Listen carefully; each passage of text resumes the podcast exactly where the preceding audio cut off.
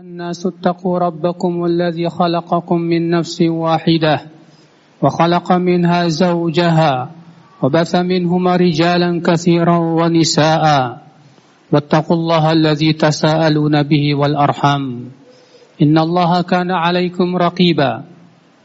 وقال تعالى يا أيها الذين آمنوا اتقوا الله وقولوا قولا سديدا يصلح لكم أعمالكم ويغفر لكم ذنوبكم ومن يطع الله ورسوله فقد فاز فوزا عظيما. أما بعد فإن أصدق الحديث كتاب الله وخير الهدي هدي محمد صلى الله عليه وسلم وشر الأمور محدثاتها وكل محدثة بدعة وكل بدعة ضلالة وكل ضلالة في النار. Umat Islam mengenal Allah adalah merupakan sumber kebahagiaan seorang hamba. Dan tidak mungkin seorang hamba akan bahagia kecuali dengan mengenal Tuhannya, itu Allah Jalla wa Ala. Karena sesungguhnya dengan mengenal Allah lah akan muncul berbagai macam kekuatan dalam menghadapi kehidupan dunia. Tidaklah munculnya kesabaran, kecuali setelah mengenal Allah. Tidaklah munculnya ketabahan menghadapi musibah yang menerpa kecuali setelah ia mengetahui bahwasanya Allah Subhanahu wa taala Rabbnya yang maha kuat, maha perkasa. Tidaklah ya akhal Islam berbagai macam ibadah akan muncul di hati kita kecuali setelah kita mengenal Allah Jalla wa ala, pemilik surga yang luasnya seluas langit dan bumi. Umat al-Islam. Seorang hamba yang mengenal Allah, hidupnya terbimbing, hatinya akan tentram dan dipenuhi dengan ketenangan. Sementara orang yang tidak mengenal Allah, ia akan hidup bagaikan binatang ternak, bahkan lebih buruk daripada binatang ternak. Orang yang mengenal Allah, dia akan senantiasa Ketika ia menghadapi berbagai macam ujian dan cobaan, dia dia hadapi dengan penuh senyum, dengan penuh ketabahan dan kesabaran, karena ia tahu di balik ujian itu akan ada pahala yang berlimpah dari Rabbnya. Di balik ujian itu ada hikmah-hikmah yang besar, yang hanya Allah yang maha tahu di balik apa, ada apa di balik musibah-musibah tersebut. Ketika ia sakit, ia memohon kepada Allah akan ampuni, akan ampunan dari dosa-dosanya. Agar Allah ampuni dosanya dan agar Allah gugurkan dosa-dosanya. Sehingga ya akal Islam, orang yang mengenal Allah, pastilah ia menjadi orang yang terkuat di dunia ini. Bagaimana tidak? Orang yang bertawakal kepada manusia, manusia lemah, tidak bisa membantu apa-apa. Orang yang bertawakal kepada jimat ataupun penangkal, jimat dan penangkal pun tidak bisa memberikan bantuan apa pun. Kalau Allah tidak izinkan.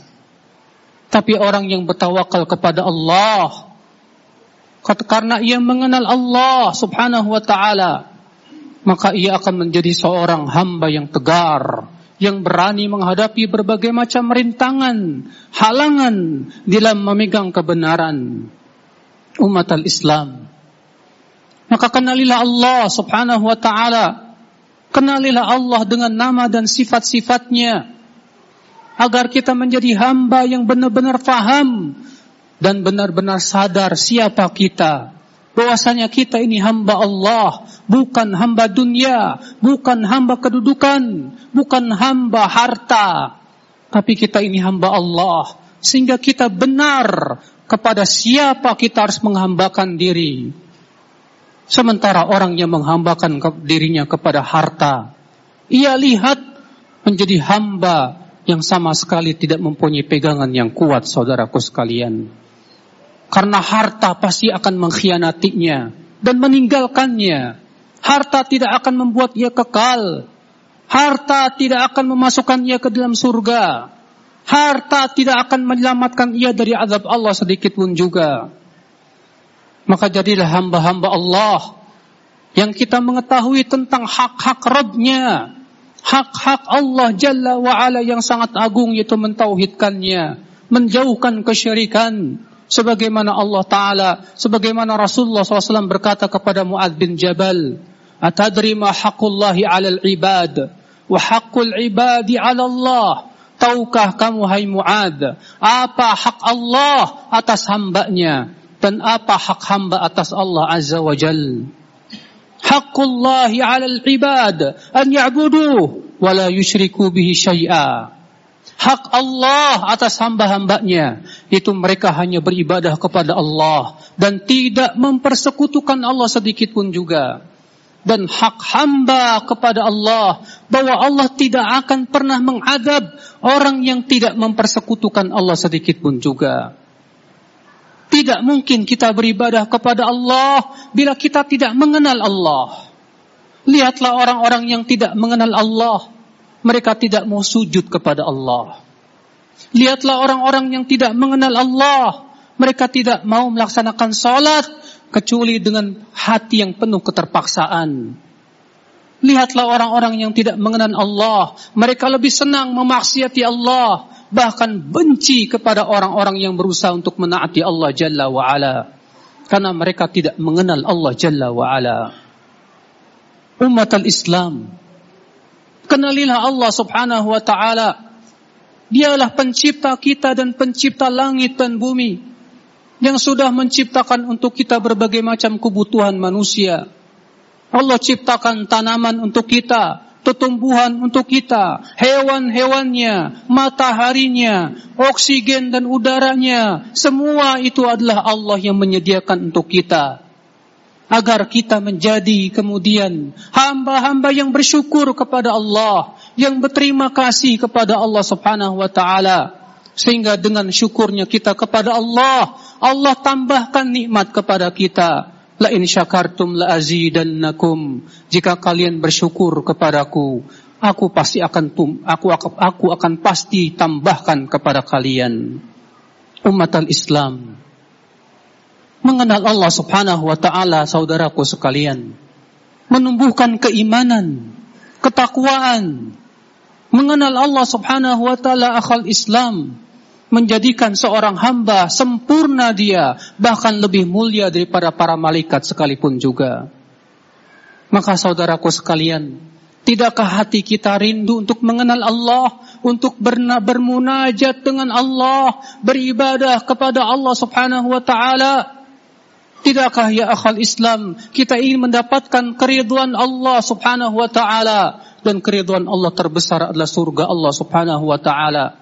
Di mana keinginan itu di hati kita? Demi Allah. Syekhul Islam Taimiyah rahimahullah mengatakan, sumber hidayah itu dua macam.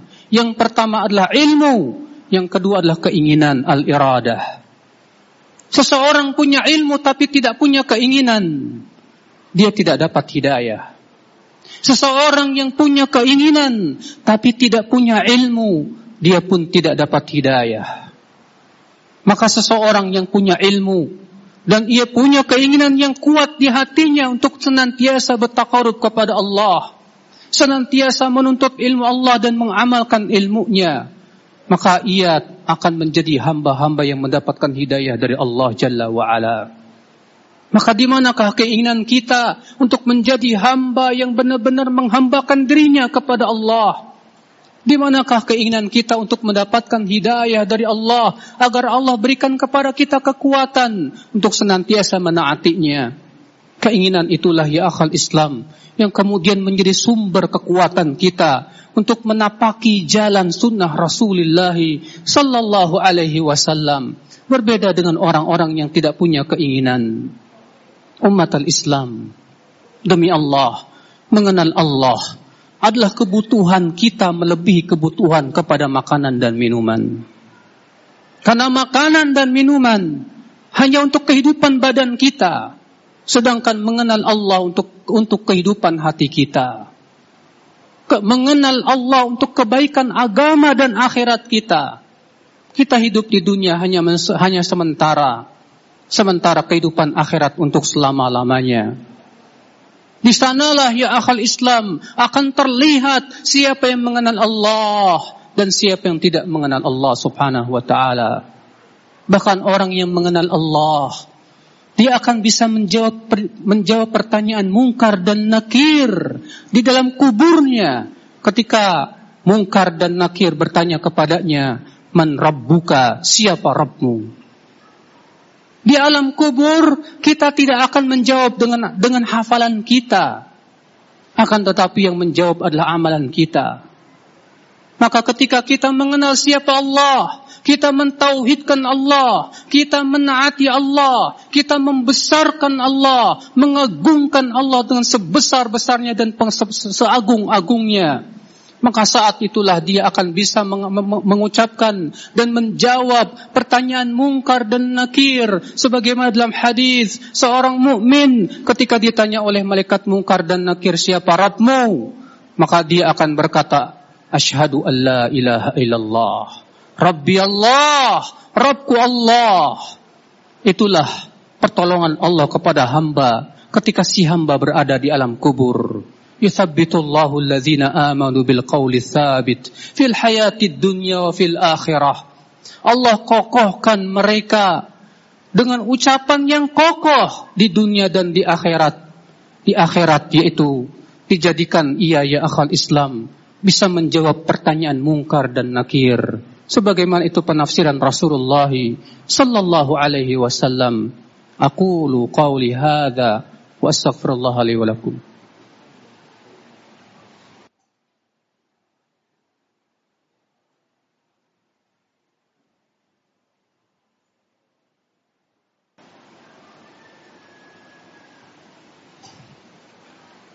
Alhamdulillah.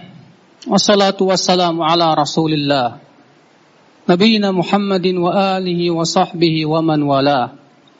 Wa ashadu an la ilaha illallah wahdahu la sharika lah. Wa ashadu anna Muhammadan abduhu wa Islam. Mengenal Allah Dengan mengenal nama-nama dan sifat-sifatnya. Orang yang mengenal nama dan sifat Allah maka sungguh ya akal Islam, ia akan mendapatkan karunia yang agung dari Allah. Rasulullah SAW bersabda, Inna lillahi tis'atan wa tis'ina isman man ahsaha dakhalal jannah. Sesungguhnya Allah memiliki 99 nama. Siapa yang mengihsaknya, ia pasti masuk ke dalam surga. Al-Imam Ibn Qayyim berkata, mengihsaknya itu memiliki empat tingkatan. Tingkatan yang pertama itu mencari dalil-dalilnya dari Al-Quran dan hadis. Tingkatan yang kedua itu menghafal nama-nama Allah Subhanahu wa taala. Tingkatan yang ketiga berusaha untuk mempelajari dan mendalami setiap nama-nama tersebut. Dan tingkatan yang keempat itu kita berusaha untuk mengamalkan dan mewujudkannya dalam kehidupan kita. Ketika seorang hamba mengenal bahwasanya Allah itu Ar-Rahmanir Rahim, yang Maha Pengasih lagi Maha Penyayang, maka tumbuhlah di hatinya rasa cinta kepada Allah. Rasa berharap akan rahmat dan kasih sayang Allah Subhanahu wa taala. Sehingga kemudian ia berusaha mencari rahmat Allah dengan cara menaatinya, membaca firman-firmannya. Dia berusaha mencari perkara-perkara yang dirahmati oleh Allah. Ketika dia mengenal bahwasanya Allah Al-Kabir, yang maha besar. Dan bahwasanya Al-Qawi, Allah maha kuat. Maka tumbuhlah rasa takut kepada Allah subhanahu wa ta'ala. Rasa takut yang menumbuhkan ketundukan dan kepatuhan yang sempurna kepada Allah Jalla wa'ala. Maka kenalilah ya akal Islam dengan pengenalan seperti itu. Demi Allah, hati kita tidak akan mungkin lurus kecuali dengan mengenal Allah Subhanahu wa taala. Allahumma salli ala Muhammad wa ala ali Muhammad kama sallaita ala Ibrahim wa ala ali Ibrahim innaka Hamidum Majid. Wa barik ala Muhammad wa ala ali Muhammad kama barakta ala Ibrahim وعلى آل إبراهيم إنك حميد مجيد اللهم اغفر للمسلمين والمسلمات والمؤمنين والمؤمنات الأحياء منهم والأموات اللهم انصرنا يا, يا أرحم الراحمين انصر المسلمين في كل مكان يا رب العالمين اللهم أعز الإسلام والمسلمين اللهم أصلح ولاة أمورنا يا رب العالمين اللهم وتب علينا إنك أنت التواب الرحيم اللهم تقبل أعمالنا يا رب العالمين. اللهم آتنا في الدنيا حسنة وفي الآخرة حسنة وقنا عذاب النار. وصلى الله على نبينا محمد وآخر دعوانا أن الحمد لله رب العالمين.